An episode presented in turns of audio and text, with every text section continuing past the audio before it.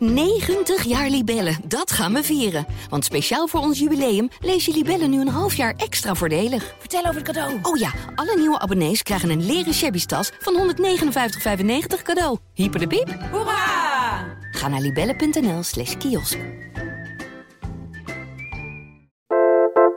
Ja, goedemorgen. Welkom bij de Kamer van Klok. Althans, voor ons is het goedemorgen. Het is nu vrijdagochtend. Precies een kwart over tien. Ik zeg er even bij voor de exacte tijdsbepaling. Mocht er na dit moment nog allerlei nieuws losbreken. En voordat u dit hoort. Het is vrijdagochtend kwart over tien. We zitten gezellig. Ja, er hangt hier echt wel een beetje die winterse Sinterklaas vibe, hè Shaila? Ja, hier in de kamer. Ja. Het is een beetje donker. Er Het is heel een beetje erg gaaf. veel zin in. Maar het is ja. ook gezellig. Eh, we zitten in de Kamer van Klok met Pieter Klok. Nou, dan is het altijd gezellig. Dat is eigenlijk een beetje onze eigen Sinterklaas. Jij hebt vast wel Sinterklaas gespeeld in je leven ook, Pieter. Nee, mijn vader wel. Ja, Maar ik vind jou ook... Ik denk Ja? dat jij een uitmuntende Sinterklaas zou zijn. denk je dat? Ja, een misschien beetje die, als ik wat die, die ouder ben. reizige, die lange gestalte. Oké, Dan zo dat stemgeluid. ja, misschien als ik eh, deze baan niet meer heb en, en het mis om leiding te geven, dat ik dan weer Sinterklaas Ja, word. dat je, als je eenmaal staatssecretaris bent, dat je dan op het ministerie, dat jij dan de Sinterklaas bent. Met allerlei valse gedichten. Shaila Sital Singh tegenover me. En aan de telefoon Raoul Dupré en eh, Natalie Wrighton. Raoul Dupré natuurlijk altijd aan de telefoon. Natalie nu eh, ook heel vaak, maar nu zeker ook. eh, omdat we gaan het over van alles hebben hoor. We gaan het over de linkse samenwerking hebben. We gaan het even over Connie Helder hebben zometeen. We gaan het over de industriepolitiek hebben. Maar we gaan het ook hebben over de machtsstrijd in de eh, Tweede Kamer. Waar jij een lang artikel over hebt, of onderzoek naar doet, Natalie. Ehm, het is toch een, ja, wonderlijk is misschien een beetje een erg algemeen woord. Maar het is een intrigerende situatie aan het worden daar eh, in die Tweede Kamer. Wat begon met, met een, ja, op het oog eenduidige klacht over, eh, over eh, ja, wat, wat, wat... Grensoverschrijdend gedrag. Grens, oh ja, ik vind het woord grensoverschrijdend begint me inmiddels door de keel uit te hangen. Maar laten we zeggen, grensoverschrijdend gedrag van Ariep begint zich nu toch steeds meer af te tekenen als een vrij ja, House of Cards-achtige machtsstrijd die zich daar aan het, eh, aan het afspelen is, Natalie. Nou, we weten natuurlijk niet precies wat er is gebeurd. Hè? Want eh, voormalig Kamervoorzitter eh Khadija die, is dus beschuldigd van het creëren van een sociaal onveilige werkomgeving, zoals zo officieel heet. Alleen, ja, zij weet eigenlijk nog steeds niet precies wat dan die beschuldigingen zijn. Hè? Dus zij mag dat niet inzien, waarvan ze wordt beschuldigd. Dus ze kan zich ook niet zo goed verdedigen. En eh, wij zijn op onderzoek uitgegaan wat hier nou gebeurd zou kunnen zijn. En daar stuiten we eigenlijk een beetje op iets wonderlijks. Hè? Want als je bijvoorbeeld dat onderzoek over de wereld draait door hebt, dan eh, als dan mensen beginnen over Matthijs van Nieuwkerk, dan zeggen we, oh, nou ja, nee, ik heb ook nog wel een verhaal. Alleen hier stuiten wij eigenlijk de hele tijd op mensen die zeiden, nou ja, wij herkennen dat niet hè, van de werkvloer. Dus allemaal mensen die eigenlijk eh, met Ariep weglopen. En dan kan het natuurlijk heel goed zijn dat er mensen zijn die wel iets naars hebben meegemaakt. Hè? Maar goed, die bewijzen hebben wij in ieder geval nog niet gevonden. Nee, dat schrijven jullie ook in het stuk. Jullie kunnen het niet echt staven, maar jullie kunnen het ook niet per se ontkrachten. Nee, absoluut niet. Hè? Het zou best kunnen zijn dat zij zich heel erg naar heeft gedragen tegen iemand. Alleen, ja, ik ben ze niet tegengekomen. Wat ik dan wel heel veel hoorde, is dat ambtenaren zeiden van ja, het speelt dus niet op de werkvloer. Wij vonden het een hele fijne mevrouw. Wat er wel aan de hand was, was dat er ruzie was aan de top. Dus tussen eh Ariep en de ambtelijke top. Nou, dat moet ik even heel uit de wonderlijke organisatie van de Tweede Kamer uitleggen. Want de meeste mensen kennen de Tweede Kamer natuurlijk gewoon als ja, dat groepje politici, 150 mensen, die zitten in die blauwe stoelen en die zijn van alles met elkaar aan het debatteren en aan het beslissen. Maar er is, daarnaast is er nog een tweede poot. En dat is de ambtelijke eh, poot van de Tweede Kamer. En daar werken ongeveer 600 mensen. En dat varieert van de koffiedames tot aan de restaurantmedewerkers en de beveiligers. En die hebben ook een eigen organisatie. En daar zit een baas boven, een ambtelijke baas. En dat groepje mensen, die dus daar de baas is, de ambtelijke top noem ik die maar even, dat zijn een stuk of zes mensen. Die staan formeel staan die onder toezicht van de politieke leiding. En daar hoort Ariep dus bij. En die twee groepen die zitten in elkaars vaarwater over wie is er nou de baas in de Tweede Kamer. Want eigenlijk vinden ze allebei dat ze de baas zijn. En daar was dus ruzie tussen die twee groepen. En dat is natuurlijk, ja, de vraag is, wat is daar misgegaan? Heeft Ariep zich daar dus eh, wangedrag vertoond? Of is er gewoon sprake van een zakelijk geschil over de vraag wie nou de baas is in de Tweede Kamer? ja, en daar, daar komen we dus niet goed achter. Hè? We krijgen daar niet goed de vinger achter. We moeten het een beetje doen met, met uh, uh, klachten die dan gelekt zijn naar NRC, maar die ook heel erg vaag zijn over kleinerend uh, gedrag, mensen vernederen, een stoel weghalen. Uh, ja, dat kan natuurlijk als grensoverschrijdend opgevat worden. En dat kan ook zo ervaren. En misschien is het ook wel heel erg naar geweest. Maar het kan ook een zakelijk geschil zijn. Hè? Dus ja, we weten het gewoon niet. Het onderzoek loopt. Dat is pas over een paar maanden af, zegt uh, Vera Bergkamp. En dan moet het uh, duidelijk gaan worden. Het, is in ieder geval wel zo dat die ontspoorde verhoudingen die er zijn in de Tweede Kamer, dat heeft in ieder geval niet alleen met mogelijk grensoverschrijdend gedrag te maken, maar in ieder geval ook met zakelijk geschil. Hè? Dit lijkt me een vrij verlammende situatie voor iedereen uh, om in te werken. Ja, nou, het is denk ik voor alle betrokkenen is het heel erg lastig. Hè? Want kijk, Ariep die zit uh, nu uh, verdrietig thuis, maar er zijn ook zes leidinggevenden van de ambtelijke top. Die zijn opgestapt. Of die hebben eigenlijk hun taken neergelegd. Vier daarvan zitten thuis. Dat doe je ook niet zomaar, weet je. Je gaat niet, ja, als, als iemand die jij beschouwt als jouw baas of de Kamervoorzitter zich naar heeft gedragen, waarom stap je dan met z'n allen op? Hè? Dus het, het, is voor iedereen een hele onbevredigende situatie. En er zijn, ja, kennelijk mensen die zich ook onheus bejegend voelen. Dus die zullen zich ook misschien heel naar voelen dat het maar niet duidelijk wordt wat er nou precies is misgegaan. Was, is dit een probleem wat zich al langer aftekende eigenlijk in de openbaarheid? Ik neem aan dat het intern al bekend was. Maar was het iets wat in het, in het Kamergebouw gebouw bekend was bij iedereen, dat hier een soort ja, probleem aan het ontstaan was? Nou, dat weet ik niet helemaal zeker. Er gingen wel vaker verhalen rond over uh, uh, Ariep dat ze wat lastig zou zijn in de, in de omgang. Maar ja, verhalen, daar kan je als journalist niet zoveel mee. Want alle mensen die ik dan spreek zeggen, ja, maar heb je dan zelf iets meegemaakt of zelf iets gezien? En dan krijg ik nee te horen. Hè? Dus zo'n zo'n uh, Harke Heida, die hadden we dan uh, ook in de, in de krant uh, van de week. Dat was een voormalig topambtenaar. En die werd dan ook in NRC opgevoerd als iemand die dan uh, gedesillusioneerd het pand had verlaten vanwege wangedrag uh, van Ariep en Bellecum. En dan zegt hij, nou ja, nee, ik vond het een voortreffelijke voorzitter. Tegen mij heeft ze nooit iets naars gedaan, hè. Ja, en dan denk ik, ja, en, maar waar, baseren, waar baseert waar denkt u dan zelf dat dat vandaan komt, hè? dat verhaal over grensoverschrijdend gedrag? Ja, nou ja, je hoorde wel dit en dat. Ik zeg, maar u heeft het gehoord, maar heeft u het ook zelf gezien of zelf ervaren? Nee, dat niet. dus ik kan me wel voorstellen, soms heb je op een gegeven moment een reputatie hè, en dat daar dan mensen daar ook een mening over hebben. Ik snap heel goed dat je daar op het werk onderling met elkaar over praat. Maar als journalist moet je natuurlijk op een gegeven moment wel een, iets onderzoeken en moet je iemand hebben die dat zelf hebben meegemaakt, die dat vertelt. Want anders kan je er niet zoveel mee, hè? Een beetje hearsay is het dan. Ja, Charlie, hier komen we toch in de onmogelijke situatie terecht dat wanneer is iets een afrekening, wanneer is iets gewoon een, een soort stroeve of misschien ook een beetje explosieve werksituatie, wanneer is het inderdaad grensoverschrijdend gedrag. Dit is toch wel een klassiek voorbeeld van ja, waar, waar dat allebei de kanten blijkbaar op geïnterpreteerd kan worden of gebruikt kan worden ook. Ja, en waar je als, als buitenstaander maar heel moeilijk uh, de, vinger de, vinger achter, achter kan krijgt. krijgen. Want wat er daar doorheen speelde, dat schreven Nathalie en Avinage ook op in hun, uh, in hun reconstructie ja. van wat er dan ongeveer gebeurd kon zijn, is dat er gereorganiseerd moest worden in dat ambtenarenapparaat. Ja. Dat daar al heel lang, en dat was op zich uh, geen geheim, Um, ook, ook, nou ja, de onvrede was met hoe, hoe dat apparaat werkte. En dat daar ook, ook misschien wel gereorganiseerd zou moeten worden. En dat Ariep dat vrij serieus uh, nam. Ja. Omdat dat ook een opdracht mede voor haar was. Ja. En dat dat, en dat ook ten niet het type was zoals ze opschreven. Ik, ik zie wel of het goed komt. Nee, nee, nee. Nee, die dacht ik ga wel even kijken van Ja. waar gaat het hier. En dat nee, of er dan wel of geen stoel voor jou is bij een vergadering. Is dat dan pesterij of is dat nee een uitvloeisel van afspraken die gemaakt zijn in het kader van de reorganisatie. Dat maakt het eh, een, een, een, eenzelfde, hetzelfde feit een, een totaal andere interpretatie eh, Ja. hebben. Ja. Ja, en dat met die stoel, dat is inderdaad wel een interessant fenomeen. Want dat ging dus over een, tenminste, dat vermoed ik, hè, eh, dat het stoelincident gaat om de directeur huisvesting. En die wilde dan ook bij de presidiumvergaderingen zitten. Presidium, dat is, zijn negen Kamerleden die de politieke leiding vormen van de Tweede Kamer. En die bespreken van alles met elkaar.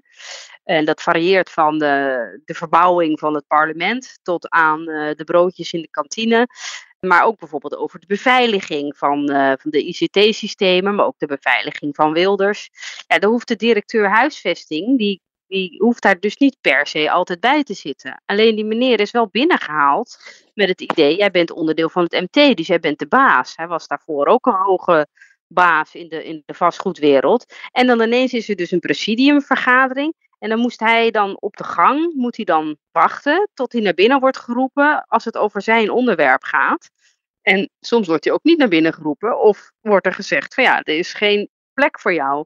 Dus ja, is dat dan op zo'n moment, als zoiets gebeurt, dat kan je natuurlijk als kleinerend opvatten. Dat, dat, dat er geen stoel is voor jou. Hè? Ja, dat je als een soort schooljongen op die gang staat te wachten. Of is dat grensoverschrijdend of is dat gewoon zakelijk? Ja, je kan het van twee kanten bekijken. We zijn er allemaal niet bij geweest. Dus misschien was het allemaal wel veel ernstiger hoe dat gebeurde. We weten het niet. Maar zo'n soort situatie als, als, dat, als dat inderdaad over die klacht gaat. Dat kan je gewoon echt op twee manieren uitleggen. Ja, en hierbij breekt zich dat we dus geen goede definitie hebben van wat grensoverschrijdend gedrag is. Je kunt dus een soort containerbegrip geworden. Je zoekt naar een preciezere term. Je wil gewoon weten wat er gebeurd is. Nou ja, en, maar zelfs als wij er wel een exacte definitie van hebben, Shaila, dan, dan zou zo'n situatie nog weer door iedereen anders gedefinieerd kunnen nou worden. Een grens is iets subjectiefs. Waar jouw grens ligt, dat is uh, volstrekt ja, subjectief. Het is heel moeilijk om dat objectief vast te stellen. Ja, uh, het is vaak subjectief beleid. Wat, wat, ik me nog afvroeg, uh, Natalie, speelt ook mee dat, dat de Kamervoorzitter toch wel een steeds politiekere functie is geworden in de loop der jaren. Waar, waar de Kamervoorzitter moet er ook rekening mee houden dat ze herkozen uh, wordt. Uh, dat leidt misschien ook tot een wat assertiever gedrag. Hè. Dat hebben we ook gezien bij die tijdelijke verhuizing van de Kamer. Toen Ariep toch een beetje uh, zich liet leiden door de, door de reacties in de media. Mm -hmm. hè, mhm. want het zou veel te duur worden allemaal. er was een politieke reactie, terwijl de rationele, bureaucratische reactie misschien was geweest: blijf gewoon in het oude Kamergebouw, neem er wat meer tijd voor en dan wordt het maar wat duurder. Speelt dat ook nog mee in de spanningen? Nou, ik denk dat er, zijn wel twee dingen die, die meespelen. Ik denk dat het zeker zo kan zijn dat het iets politieker is geworden. Maar het is gewoon omdat we leven in een tijdsgevricht waarin politici in het algemeen sneller worden afgerekend op zaken. En ik denk echt wel dat er een vergrootglas ook ligt op zo'n Kamervoorzitter. Van hoe, hoe pak je dingen aan? Dat zij ook afgerekend uh, wordt op dingen zoals de renovatie of de reorganisatie. Hè? Die opdracht had ze gekregen van de Kamer. Dus dat speelt denk ik wel mee wat ook meespeelt, is wel interessant, hebben wij uh, met meerdere mensen gesproken die zeiden van de relatie tussen zo'n Kamervoorzitter en de griffier, dat is dan de hoogste ambtelijke baas, dat is eigenlijk een hele precaire relatie tussen die twee. Hè? Je moet een beetje alsof je samen ja, die, die, die tent een beetje probeert uh, open te houden en zorgen dat de boel daar draait. En iedereen moet op zijn eigen stoel blijven zitten. Maar wat er nou is gebeurd de afgelopen uh, jaren, is die griffier is iemand geweest die van buiten is gekomen. Dus dat is niet iemand die opgegroeid is in die kamerorganisatie, die daar al jaren als ambtenaar werkte en weet hoe, hoe de zaken werken. Maar dat is iemand geweest die dan niet in de organisatie was opgegroeid, maar die van bij een ministerie had gewerkt of uit het bedrijfsleven. En die mensen die komen dan binnen en die denken dat de Kamer ook een soort bedrijf is. Dus die denken van nou, daar heb je dan een, uh, een CEO en een uh, raad van bestuur of een managementteam en die rijden de boel. En heb je toezichthouders, dat is dan de raad van toezicht. En dat, dat zijn dan een beetje de mensen zoals de Kamervoorzitter. Alleen in werkelijkheid, in de Kamer, die, werkt die, die werkt gewoon veel politieker. Hè? Het is niet een efficiënt bedrijf. Dus het is niet alleen maar zo dat je denkt, oh wat is de goedkoopste manier om hier uh, het parlementsgebouw te verbouwen dan gaan we dat doen, want dat zou een bedrijf doen. Maar in het geval van de Tweede Kamer is het ook nog zo dat je mee te maken hebt van ja, wat is het, wat is het politiek het belangrijkste om te doen? Hè? Dat wij ons werk kunnen blijven doen in die oude Tweede Kamer of niet. Dus wat heel erg meespeelt is dat die ambtelijke baas, die, die de laatste jaren is aangetreden, die hebben niet dat vingerspitsengevoel, zoals uh, Gerdy Verbeet tegen mij zei, oud-Kamervoorzitter van uh, hoe het is om in een politieke organisatie te werken. Dus er is daar ook iets, ja, mogelijk misgegaan in een soort mismatch tussen Kamervoorzitter en ambtelijke baas. dat wordt wel interessant, want binnenkort, eh, als het misschien vandaag wel, of aankomende week, komt, wordt de nieuwe ambtelijke baas wordt bekendgemaakt. Dus er komt een nieuwe voor in de plaats. En ik ben heel benieuwd of dat iemand is die dus is opgegroeid in die politieke organisatie, of dat dat weer iemand is uit het bedrijfsleven. Een frisse wind. Ja, want als dat zo is, als het weer iemand is uit het bedrijfsleven, dan kan je, wordt de kans heel erg groot dat die persoon ook weer ruzie gaat krijgen met de Kamervoorzitter. Dat is dan nu Vera Bergkamp. Hè? Dus dan hebben we over een half jaar weer hetzelfde gedonden. hey, en dan was er ook nog het fascinerende fenomeen spookambtenaren. Ja. Kwam ja, ik, kwam ik tegen. Voor mij nieuw, voor, jou, voor, voor jullie bekend? Spookambtenaren? Nou, ik had er va- vaag zijdelings van, eh, van, eh, gehoord. Maar het, spookambtenaren zijn dus ambtenaren die in de Tweede Kamer werken. Eh, maar eigenlijk was het, het, functioneerde heel lang als een soort familiebedrijf. Dus als iemand niet zo goed zijn werk deed, dan werd diegene niet ontslagen. Maar die ging, werd gewoon naar een andere afdeling weggebonjourd. En dan hoefden ze daar eigenlijk niet zoveel te doen. Dus er is een heel rapport, een geheim rapport, over hoeveel van dat soort ambtenaren er waren. En er bleken dus enkele tientallen te zijn die eigenlijk eh, weinig tot niets deden. Is toch wel tamelijk bizar, hè? Ja, dat is wel tamelijk bizar. ja, maar goed, maar die zijn dus met de reorganisatie eruit gevist. Weer. Mijn tijd bij de overheid kan ik me dat ook nog herinneren. Bij Rijkswaterstaat. Ja, dan had je gewoon mensen die, die klokten nog wel in om acht uur en Ja. precies om vier uur weer uit. En die hadden een hele stapel Vrij Nederlands in hun kamer liggen. Mijn en, god. En, en, een paar kamerplanten waarachter ze zich konden verschuilen. Ja, ambtenaren worden gewoon niet zo snel ontslagen. Nee. Dus dan, dan, dan worden ze liever gewoon ergens achter een plant gezet. En een stapel Vrij Nederlanden. ja, Ja. en dan, eh, ja, dan moet je de tijd uitzitten. Ja, En wat dat deden ze dan? Je had nog goed, geen dit- internet in die tijd, Pieter. Wat deden ze? Nou, Vrij Nederlands lezen. Dan Dus- lazen ze die stapel Vrij ja, die, die was toch vrij dik toen. Oh, en daarom is de oplage van Vrij Nederland ook gedaald. Ja. Met de daling van het aantal spookambtenaren. Zijn bijnaam was ook Mottenbal. Ja. Oh, er was er één speciale, die heb je nu. de- Ja, ja, die van die stapel Vrij Nederlands. Dat was een Oh, reële dat was stapel. één, oké. Ja, nee, niet allemaal, maar er was er wel Eentje die ja. achter een stapel Vrij Nederlands Ja. zat. Ja. Ja. Nou ja, Pieter, ik herinner me dat wij op een zeker moment op de redactie de afdeling bijzondere projecten hadden. Zeker. Die zaten ook achter een stapel. Die zaten in de Dat was ook archiefkast. niet helemaal Ja. duidelijk. Nou, hier vreekt zich dus dat ik mijn hele leven al freelancer ben. Ja. Als je gewoon in, in, in vast dienst bent, echt, dan weet je dat er altijd ergens een paar mensen achter een stapel, whatever, zit. Om gewoon zijn, dag, zijn of haar dagen Ja. uit te zitten. Nu niet meer. Nu bestaat dat niet meer. Nee. Behalve bij de Tweede Kamer dus wel. Ja, maar bij die, bij die reorganisatie in de Tweede Kamer, nou ja, goed, dan ko- komt er iemand met Ariep die er met een bezem doorheen gaat en zegt, we gaan het even anders doen. Ja, dat, dat stuit natuurlijk op weerstand. Ja, want eh, zoals in dat stuk ook staat van jullie van eh, eh, sp- spookambtenaren ontslaan, dat deden ze niet graag. Dat, dat werd blijkbaar als een heel soort ondankbare klusgezin. Ja, ja dat, doet niemand, dat doet niemand natuurlijk graag. Maar het, is, het was gewoon zo toen Ariep aantrad, toen trof ze ook wel een organisatie aan die gewoon echt toe was aan een reorganisatie. Het was een beetje stoffig. Mensen die spraken elkaar dus niet echt goed aan op verantwoordelijkheden. Zoals dat in een familie gaat. Weet je, dat je gewoon toch iets te lief bent voor elkaar. En het moest gewoon professioneler, zakelijker. Dat was een opdracht die ze nou, eh, heel nadrukkelijk heeft gekregen van de Kamer. En formeel is dat dus de baan van de griffier, want dat is de hoogste ambtelijke baas. Alleen ja, Ariep die eh, werd daar ook op aangesproken door de Kamer. Van hoe staat het met die reorganisatie? Dus zij is zich daarmee gaan bemoeien. En daardoor is er wrijving ontstaan tussen haar en die ambtelijke top. En het zit blijkbaar in haar aard om dat gewoon te gaan doen. Ja, ik zeg dus niet dat al die klachten daar vandaan komen, hè, want dat weten wij niet exact. Maar het heeft wel meegespeeld als je dat zo hoort hè, eh, van ambtenaren die wij spreken. Maar goed, na die eerste eh, onthulling of dat eerste nieuws over, over haar eh, nou, grensoverschrijdende gedrag dan, schijnbaar grensoverschrijdende gedrag, zijn er toch ook wel heel veel mensen die het met heel veel vuur voor haar opgenomen hebben, Shaila.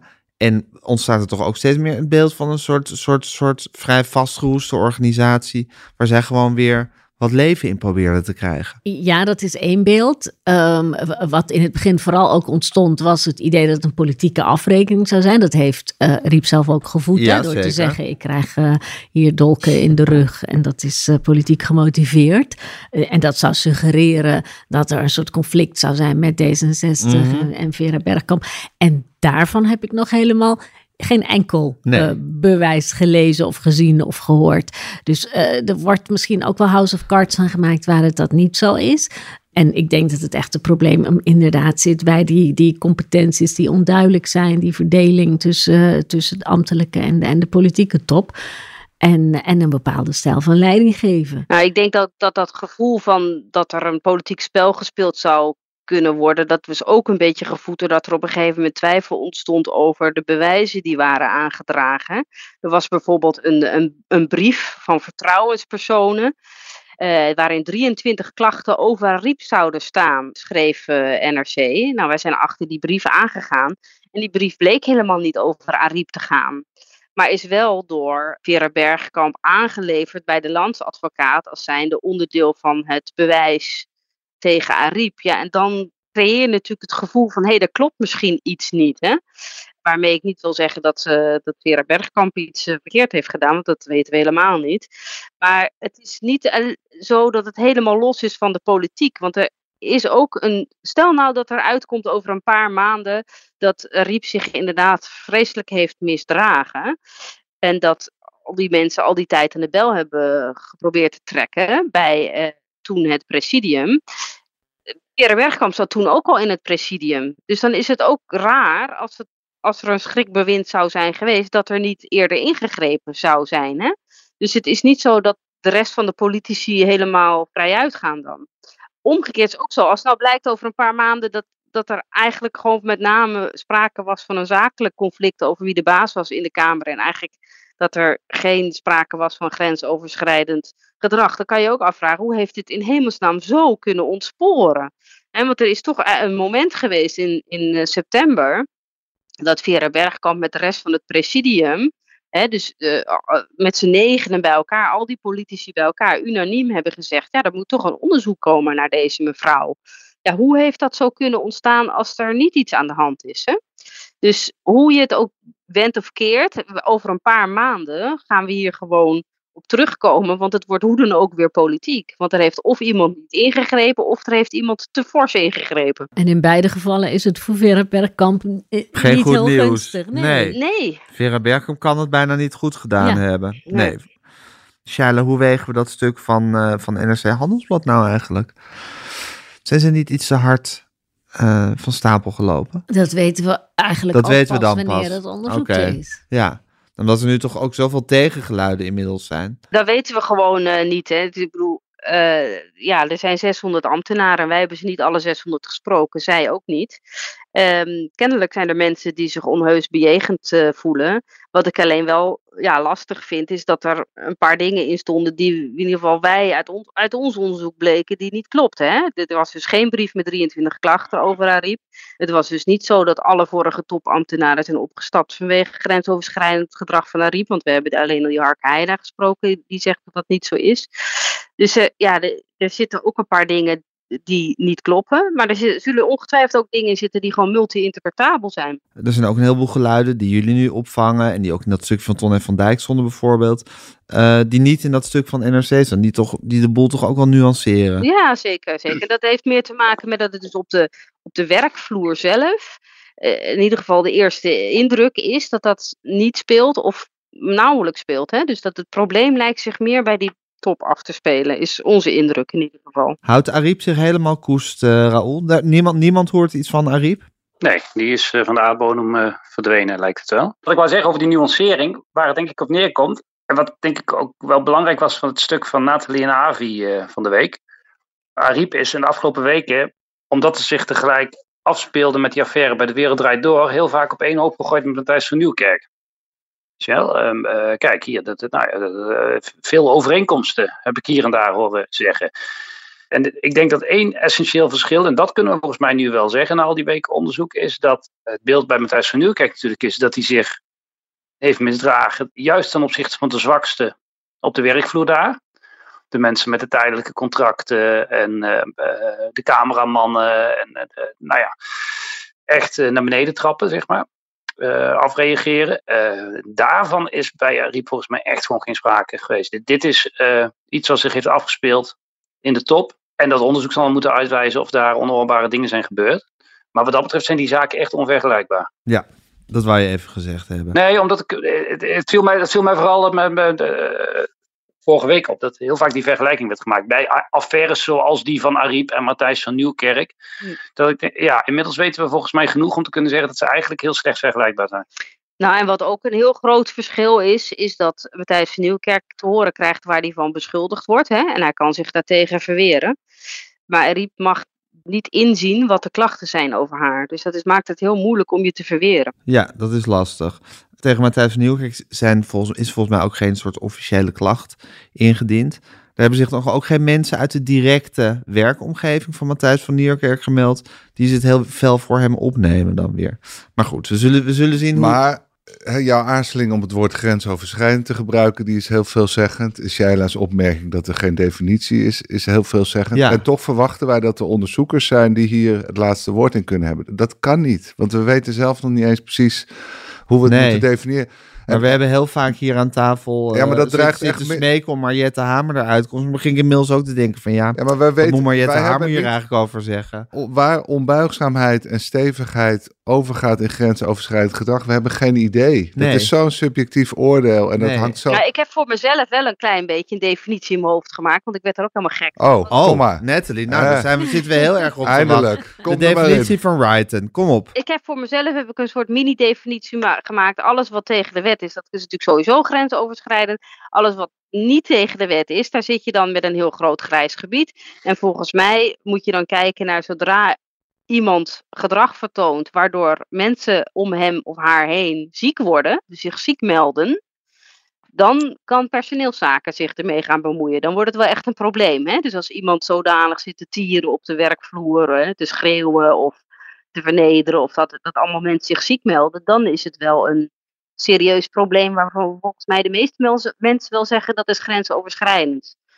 Ja, zolang mensen zich niet ziek melden en ja, de werks, ja, de mensen blijven gewoon op dat werk aanwezig, dan ja, zit je in een heel lastig pakket. En heb je waar Pieter, wat Pieter net zei, dat wordt een heel lastige situatie, want dan wordt het heel subjectief. Hoe, wie ervaart wat en hoe. Ja, maar ja, of iemand zich ziek meldt is natuurlijk ook niet echt een objectieve meting. Nou, ik vind dat je dan als werkgever, heb je dan wel recht om er wat van te vinden, weet je? Ja, dan heb je in ieder geval de plicht om uit te zoeken hoe dat komt, zou je kunnen zeggen. En om in te grijpen, toch? Ik bedoel, bij, zoals bij mijn eh, Matthijs van Nieuwkerk, als er allemaal mensen weg omvallen en zo, dan moet je natuurlijk als werkgever ingrijpen. Als dit nu de gouden standaard van Natalie Wrighton wordt, en dit in een, in een dik rapport wordt, Nou, ik, Ze, ik- ze ik- noemde, ze nou, zei Nee, een ik maak een grapje, ik maak een grapje. mini-werkdefinitie. Nee, maar mini-werkdefinitie, ja. Nee, maar gewoon in mijn hoofd, weet je, probeer ik, als ik dan naar een situatie kijk, van ja, is er, wat is nou erg, weet je wel? Dat, ja, is een, een stoel weghalen, is dat erg of niet? Nou ja, hangt er dus vanaf. Als dat consequent gebeurt en de mensen die vallen allemaal om en die worden ziek, ja, dan kan het een probleem worden, ja. Nou, het is niet voor niks dat wij eh, in onze publicatie over de wereld daardoor daar ook de nadruk hebben, op hebben gelegd. hè, De burn-out fabriek. Ja, Niet op het wandgedrag en hoe fout is dit. Nee, je wordt als werkgever... hoeveel mensen daaruit vielen. Ja, want Ja. Dat, dat, dat is inderdaad de verantwoording. Dus ik vind op zich eh, best een eh, goede definitie die, die Nathalie nu geeft. Dat je, je kijkt dus wat is je plicht als werkgever. En dat is toch om ervoor te zorgen dat iedereen gezond zijn werk kan doen. Ja. En, en als dat op het moment dat het niet meer kan, als mensen niet meer gezond hun werk kunnen doen, dan is het een probleem. Maar dat is een andere invalshoek dan de bijna strafrechtelijke invalshoek die we nu kiezen. Hè? Dat er een heel duidelijke grens is tussen goed en fout. Ja, Want die is er niet. nee. En dan gaan we inderdaad onervaren onderzoekers. dat- wij bij DWDD hou- houden we ook ons hart vast. Want dan worden dan. Ja, hoe, gaat hoe gaat het gebeuren? Martin van Rijn, de grote, grote gladstrijker, die moet het dan gaan leiden. En dan worden mensen die net van de studie komen. die hebben een opleiding van drie dagen gehad. en die moeten dan al die slachtoffers van Matthijs van Nieuwkerk gaan interviewen. Ja, waarom verwachten we daar zoveel van? Ja, Ik, ik zie dat niet. Ik begrijp die grote verwachtingen niet. In zo'n complex dossier. Nee, het, blijft voor iedereen onbevredigend ook, denk ik, wat er ook uitkomt. ja wat, wat, he- wat, he- wat hebben we ons op de hals gehaald door wangedrag niet meer te tolereren, hè, Shaila? De goede oude tijd dat alles nog gewoon kon. Ja, toen hoefden we al deze discussies niet te voeren.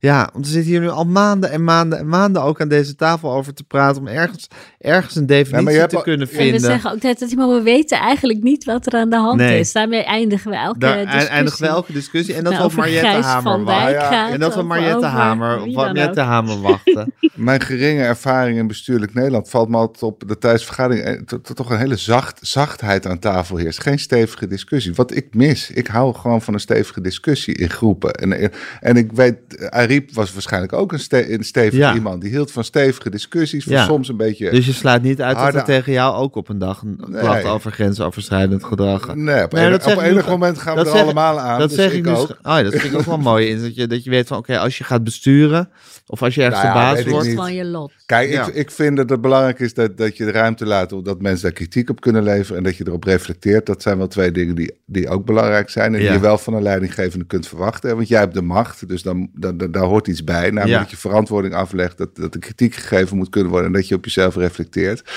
Maar het kan ook gewoon een, een botsing in stijlen zijn, eh, Ja. onveilig gedrag. Dat er gewoon iemand is die van een stevige discussie houdt en anderen houden helemaal niet van, want die houden van een beetje omtrekkende bewegingen en indirect communiceren. Ja, dan is het gewoon een cultuurstrijd. Hè, Ja. Die je ook ziet als wij met onze Belgische collega's moeten samenwerken. Of als je met Franse collega's moet samenwerken. Dat, dat, daar heb je ook allerlei complicaties en misverstanden. Ja, of misschien jonge en oude collega's met elkaar samenwerken. ja, en wie heeft dan gelijk? ja.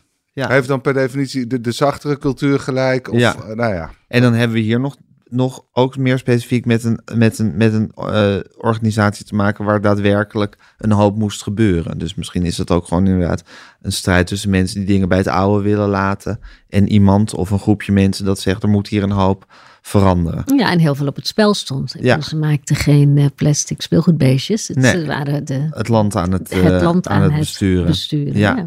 Nou, het is allemaal geen kattenpis.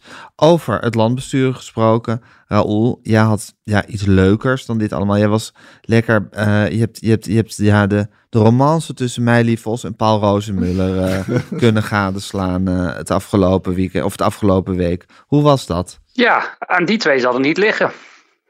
Met de, de, de rood-groene samenwerking. Nee, ze zijn, eh, het gaat nu echt gebeuren. Meili Vos is de Eerste Kamer frontvrouw van de, van de Partij van de Arbeid. En Paul Rozenmuller Muller van, eh, van GroenLinks. Ja, en gisteren presenteerden ze, ik wou bijna zeggen hun gezamenlijke lijst, maar dat mag dus niet. Ze presenteerden allebei hun lijsten die op 25 mei volgend jaar worden samengevoegd tot één Eerste Kamerfractie. En dat is wel een stap natuurlijk. Want als dit goed gaat, dan is de fusie heel dichtbij, denk ik. Dus de- ja, in dat opzicht, iedereen daar op die bijeenkomst in Den Haag eh, had het over een historisch moment. Maar ik denk eigenlijk ook wel dat het zo is. Mits het lukt natuurlijk, dat weten we nog niet. Maar het is zo en het is ook wel zo, en dat viel me heel erg op gisteren. Dat je daar opeens weer allerlei teksten hoort als wij gaan het initiatief nemen, wij worden de grootste, we zijn terug. En nou is dat op zich niet zo heel verbazingwekkend, want dat is in dit huidige versplinterde politieke landschap ook eigenlijk gewoon de optelsom van die twee partijen op dit moment. Dan moeten ze niet nog verder slinken, maar zelfs met de PvdA zo klein als die nu is, en met GroenLinks erbij, zijn ze in de Eerste Kamer de grootste fractie.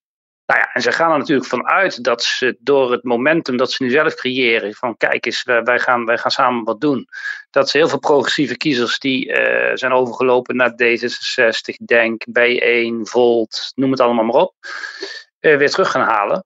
Het is dat wat interessant om te zien de komende maanden, denk ik. En eh, ik moet zeggen, ik heb het ook een klein beetje gevolgd.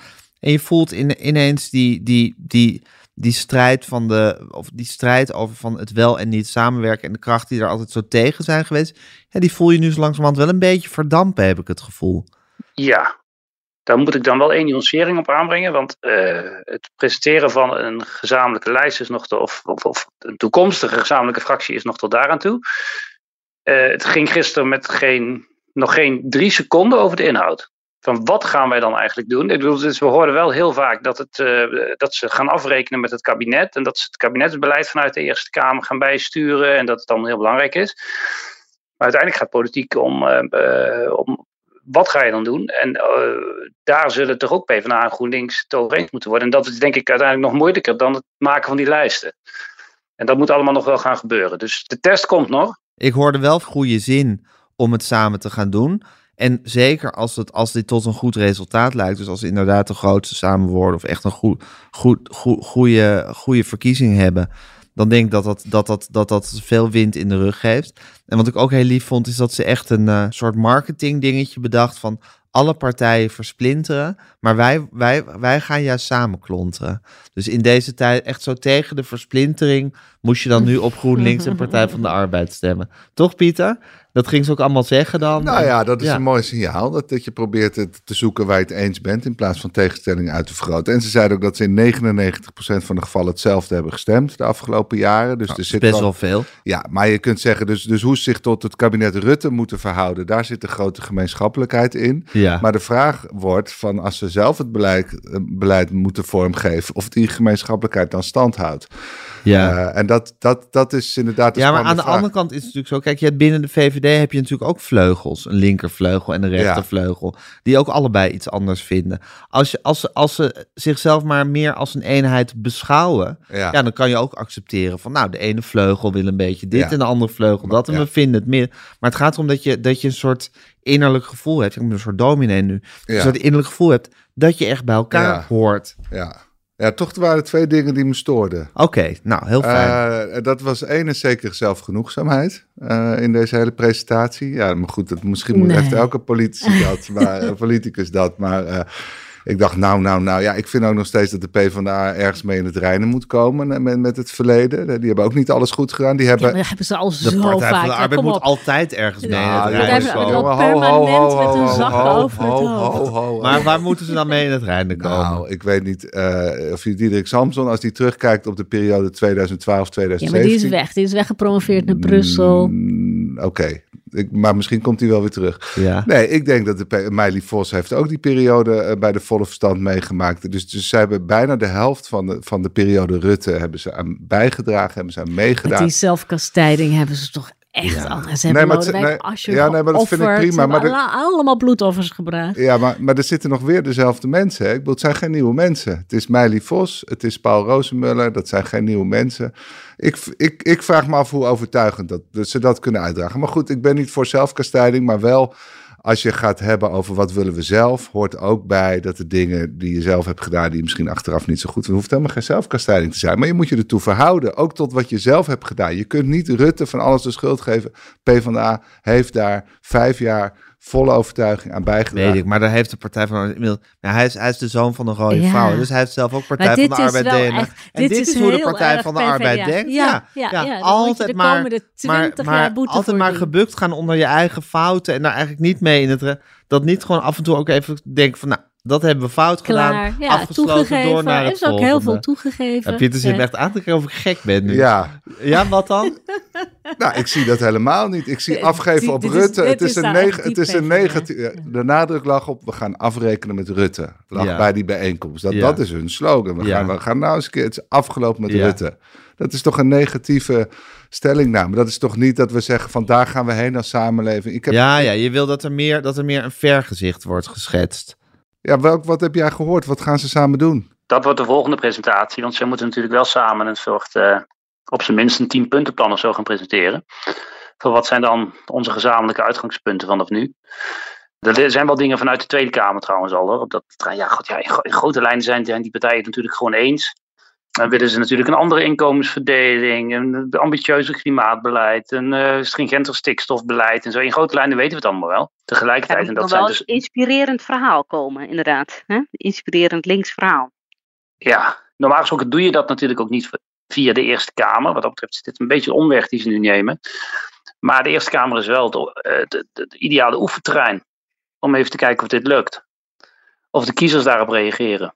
En ik denk dat er, ja, voor, voor, de, de rest van het proces hangt er heel veel van af hoe dit gaat verlopen. Of, of dat ook daarna ook in de Tweede Kamer gaat vliegen. Maar als zij deze verkiezingen winnen, en ze komen daar goed uit en ze gaan daar vol goede moed aan de gang. En ze hebben opeens merkbaar inderdaad invloed op, die, op dat kabinet. Want dat, dat zal dan waarschijnlijk inderdaad niet om ze heen kunnen. Ja, dan gaat dat natuurlijk naar meer smaken. En dan zitten we gewoon eh, over twee jaar bij de landelijke verkiezingen. Krijgen we gewoon een lijsttrekker, neem ik aan. Of die nou Frans Timmermans heet of Jesse Klaver. Maar Pieter, ja, want dat, is- dat is waar Shaila en ik op aansloegen. Jij vindt dat er nog, zo, al- als ze Nee. veel op Rutte afgeven, dat er echt nog boete gedaan moet nee, worden. ik vind niet dat er boete gedaan moet worden. Maar je moet wel een goede analyse maken wat er de afgelopen decennia is gebeurd. En dat is gebeurd onder leiding van Wim Kok. En dat is nog steeds een grote held in PvdA geleden. PvdA heeft nog niet, voor mij nog niet, helder geformuleerd hoe, zij, hoe de overheid zich moet verhouden tot de markt.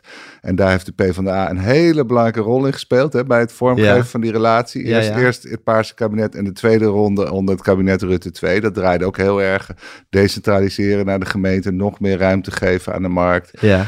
Eh, dus die hele verhouding overheid-markt, daar heeft de PvdA een hele sturende rol in gespeeld. En ik, ik, zie, En die- ik zie nog geen je, hoeft geen, je hoeft niet aan zelfkastijding te doen. Ja. Maar je moet wel met een duidelijk nieuw verhaal komen hoe je, hoe je daartoe verhoudt. En, en dan moet je inderdaad ook wel even zeggen wat je uit het verleden niet zo verstandig vond. Ik Ja. zie Shaila met haar vinger zwaaien.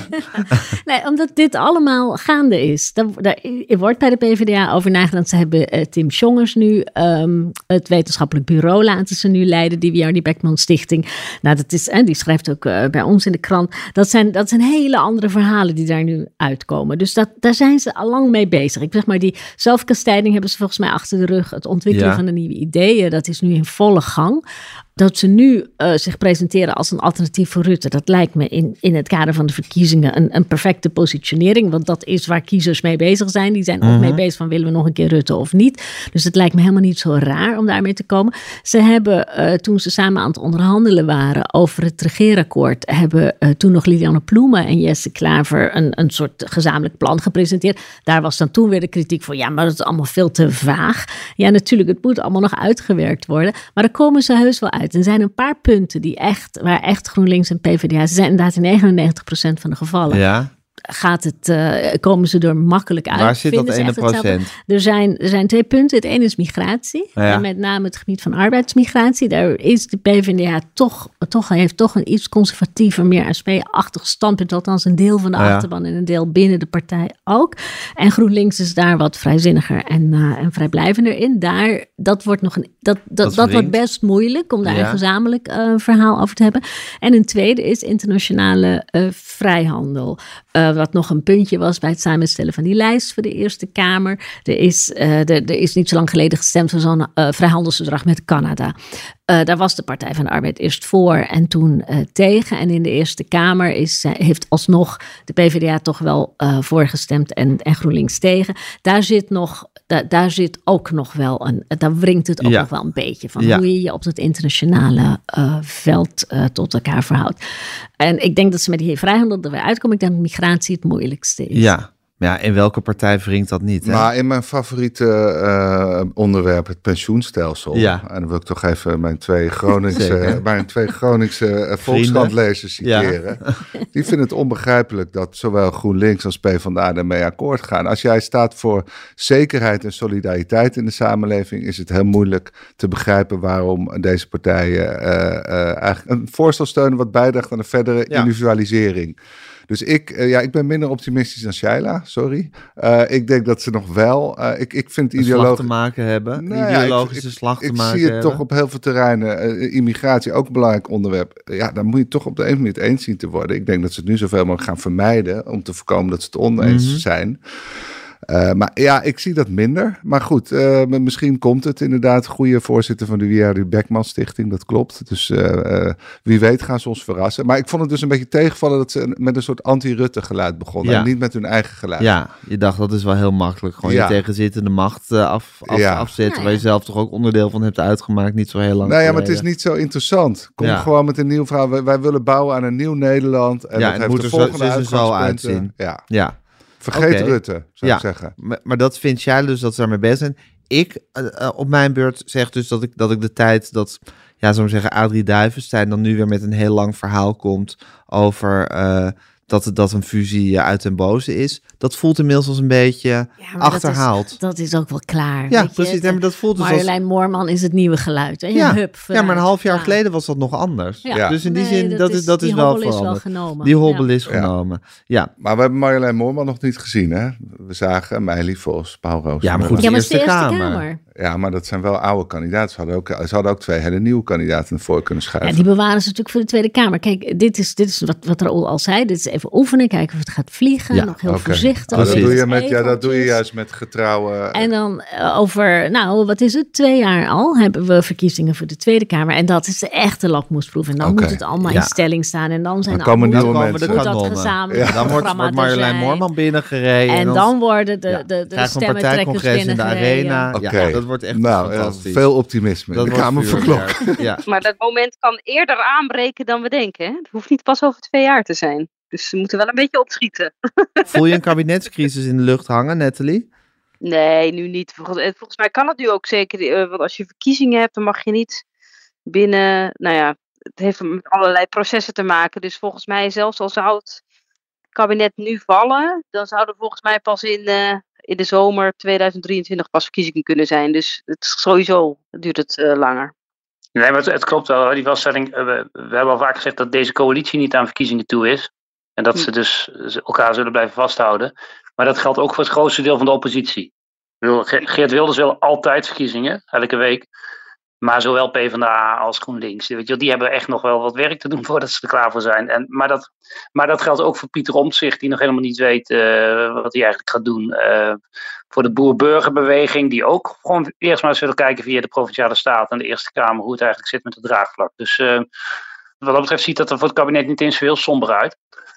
Behalve natuurlijk als. ze hebben nu vijf zetels tekort, als ik het goed zeg, in de Eerste Kamer.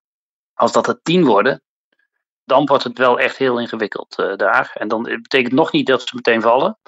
Maar dan, ja, dan gaan er echt dingen vastlopen in de Eerste Kamer. En dan zal het ongezelliger gaan worden. Gaan we Ja, komend jaar Dan moet zien. de PvdA en GroenLinks hun belofte waarmaken dat ze het Rutte moeilijk gaan maken. Dus die gaan dan moeten meewerken. We wensen ze veel eh, succes daarmee. Stekker uit het kabinet. trekken. Ondertussen, Ja. Shaila, wil ik heel kort even Connie Helder op het WK eh, behandelen. Met jou, met haar speltje.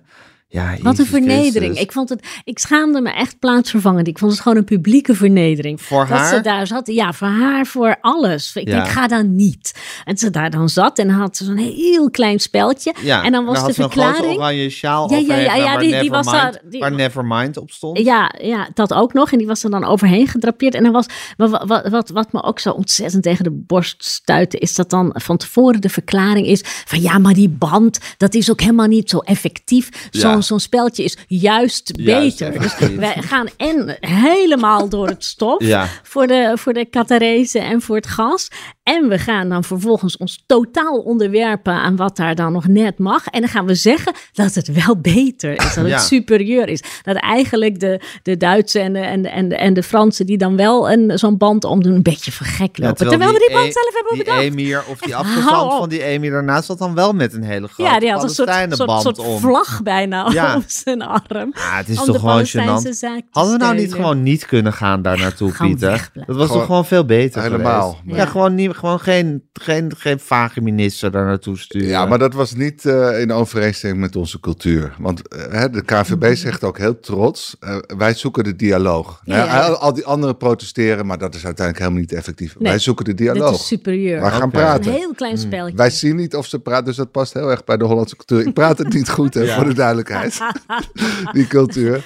Want ik denk dat een beetje protest soms heel, heel gezond en goed kan zijn. Maar de typisch Nederlandse reactie is altijd in overleg blijven. En dan zeggen ze, ja, we hebben het aan de kaak gesteld. Aan de kaak En dan, en en dan denk je, hoe, Ja. heeft, hoe heeft ze dat gedaan? Heeft ze dan op een gegeven moment heel zachtjes human rights Ja, gefluisterd? gezegd. terwijl niemand het hoorde. Je weet, dat, we kunnen dat niet controleren. Ja. Maar de KNVB doet precies hetzelfde. Die gaan ook nog na, na het toernooi, hebben ze gezegd, gaan ze ook nog naar Qatar. Om te blijven overleggen Blijven met, met overleggen de ILO. over- en, ja. Dus dia Ja. En dat is dialoog. dankzij dat speltje. Want als we zo'n Ja. band om hadden gehad, was Ja, dan het is, er- nooit is er geen gelukt. dialoog meer. En, dan- en, en als je geen dialoog hebt, kun je niks veranderen. Ja. Dat, dat is toch de Hollandse redenatie. En dan kun je Ja. tegelijkertijd ook lekker handel blijven drijven. Ja. En Jij kijkt nog steeds voeren. niet naar het WK, Pieter? Nou, soms. Oké. Als je per ongeluk voorbij zet. Ja, gisteravond, hallo. Ja, Al gisteravond hallo. Ja, eerst- Als het leuk is, dan ga je wel kijken. eerst niet. Je Maar, maar kijkt toen, alleen als het saai is. heeft een heel klein Niet. speltje op, hoor. Ja, Dan Zit hij precies. op de bank met zo'n speltje. Ja, als het heel leuk is. ik heb een je heel kijken grote het speltje. regenboogvlag om regenboogvlag, ja. Ja. Nou, en dan gaan we het tot slot nog even hebben over de industriepolitiek. Eigenlijk een woord waar ik nog nooit... Van Ja, een woordcombinatie dat ik eigenlijk nog nooit in mijn mond of in mijn hoofd heb, eh, heb gehad. Maar eh, jij, Heel Shaila, heel oud. En, en hij is weer helemaal terug, de industriepolitiek. Ja, Ja, het was... Het, was eh, wat is vroeger- industriepolitiek Industriepolitiek precies? is dat je als staat, als overheid gaat bemoeien met je industrie, met je bedrijfsleven. En dat je daar heel sturend in gaat optreden. En dat je gaat zeggen, dit is nationaal belang. En hier stoppen we heel veel geld in. Ja. En hier zetten we allemaal, nou ja, vanuit Ja, de zoals staat. Amerika nu weer de chips, de industrie, de fabricatie van chips, en niet chips om te eten, maar chips voor in computers, weer Naar meer zich naar zich toe trekt, omdat, ze, omdat je voelt dat in Taiwan, dat het daar aan het rommelen dat het is. naar de Ja. Gaat. Ja. Ja. En het, heel lang is het een vies woord geweest in Nederland. eh, Want het, is, eh, het, het, het werkt ook allerlei improductiviteit in de hand. Want eh, alles wat je overheidssubsidie geeft, dat wordt lui. Dat soort ideeën zat daar heel erg achter. Ja. En je krijgt ver- verspilling van geld en verkeerd gebruik van geld. We hebben grote affaires gehad hier in Nederland. Dus, op, dus het is jarenlang, de, de mantra was alles naar de markt. En zeker handen af van het bedrijfsleven. Het moest alleen maar vooral gefaciliteerd worden. Gewoon heel veel eh, belastingvoordelen en, en, en dividendbelasting afschaffen. Dat was daar nog het laatste uitvloeiseltje van. Van we moeten ze vooral volledig vrij baan geven. En Ja. dan gaat het bedrijfsleven floreren. En dat is goed voor iedereen. En je bemoeien met wat ze doen. Dat is Frans. Dat doen de Fransen. Dat doen wij niet. En dat is ineffectief enzovoort. En je ziet nu heel snel wordt er nu een soort bochtje genomen van. Oh mijn god. eh, het begon al natuurlijk met energie en gas. We hadden al die energiebedrijven hebben we eh, aan de markt overgelaten. En kijk nu eh, doet Poetin doet Poetin iets. En hup, we hebben helemaal geen invloed meer als overheid bijna op die energietarieven. En dan moeten we met heel veel geld nu allemaal mensen gaan compenseren. Allemaal heel ingewikkeld. En we hebben nergens meer een vinger in de pap.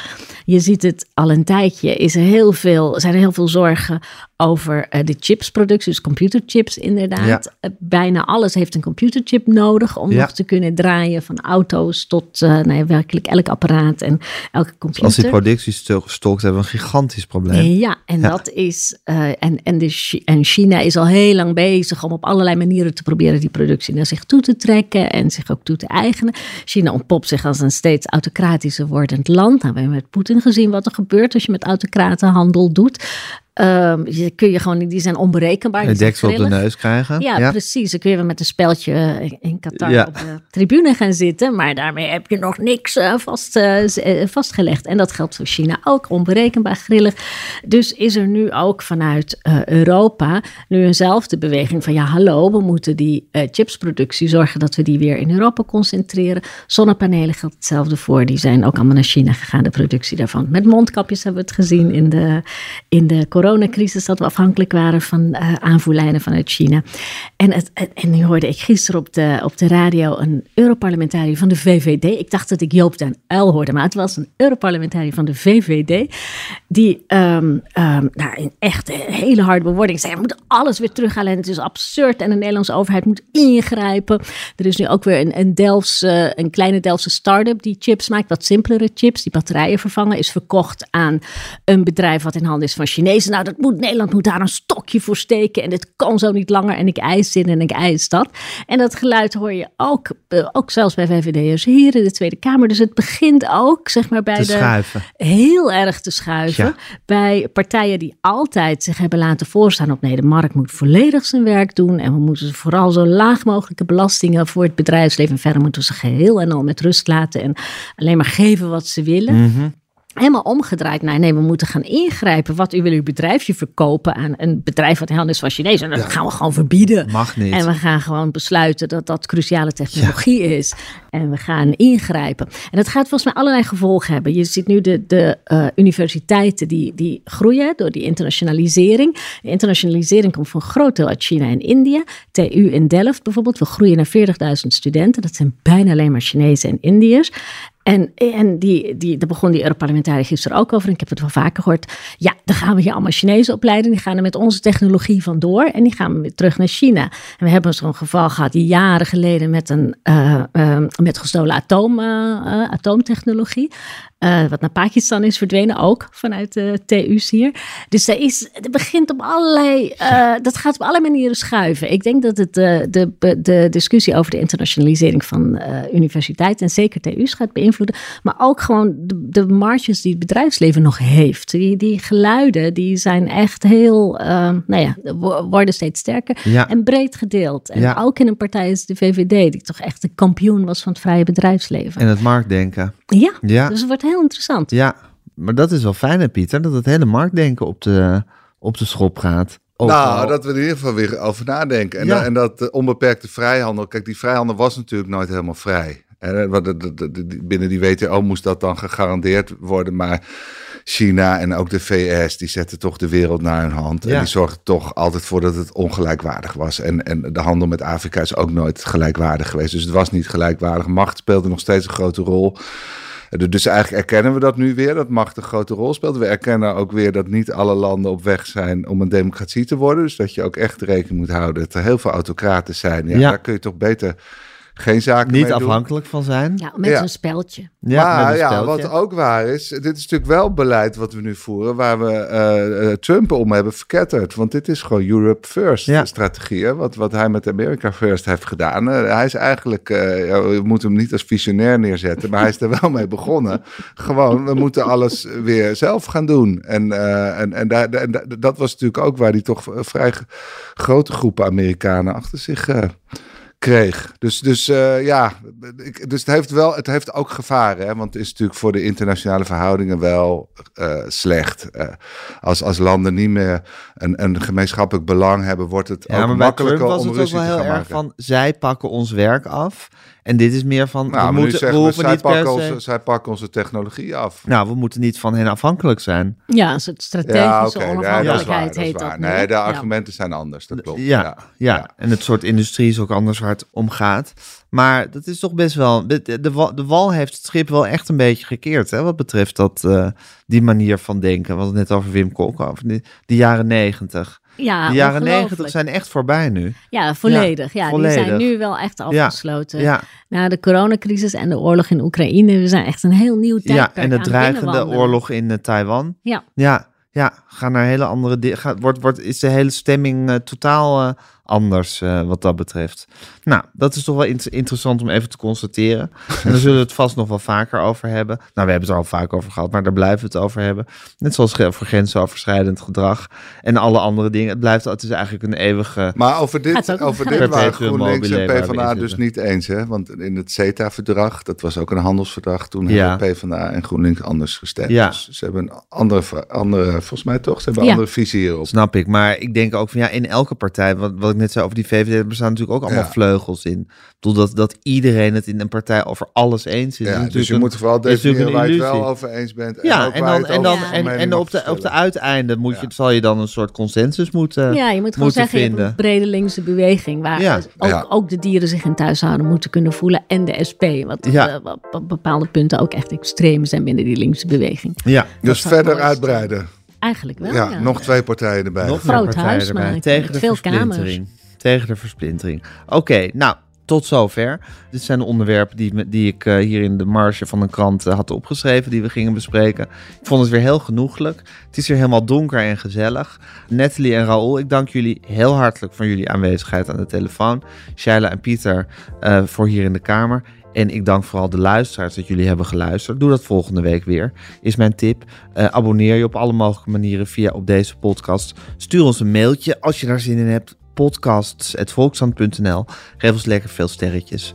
En eh, nou, elke dag luisteren naar de Volksstand elke dag. En volgende week weer naar de Kamer van Klok. Tot dan.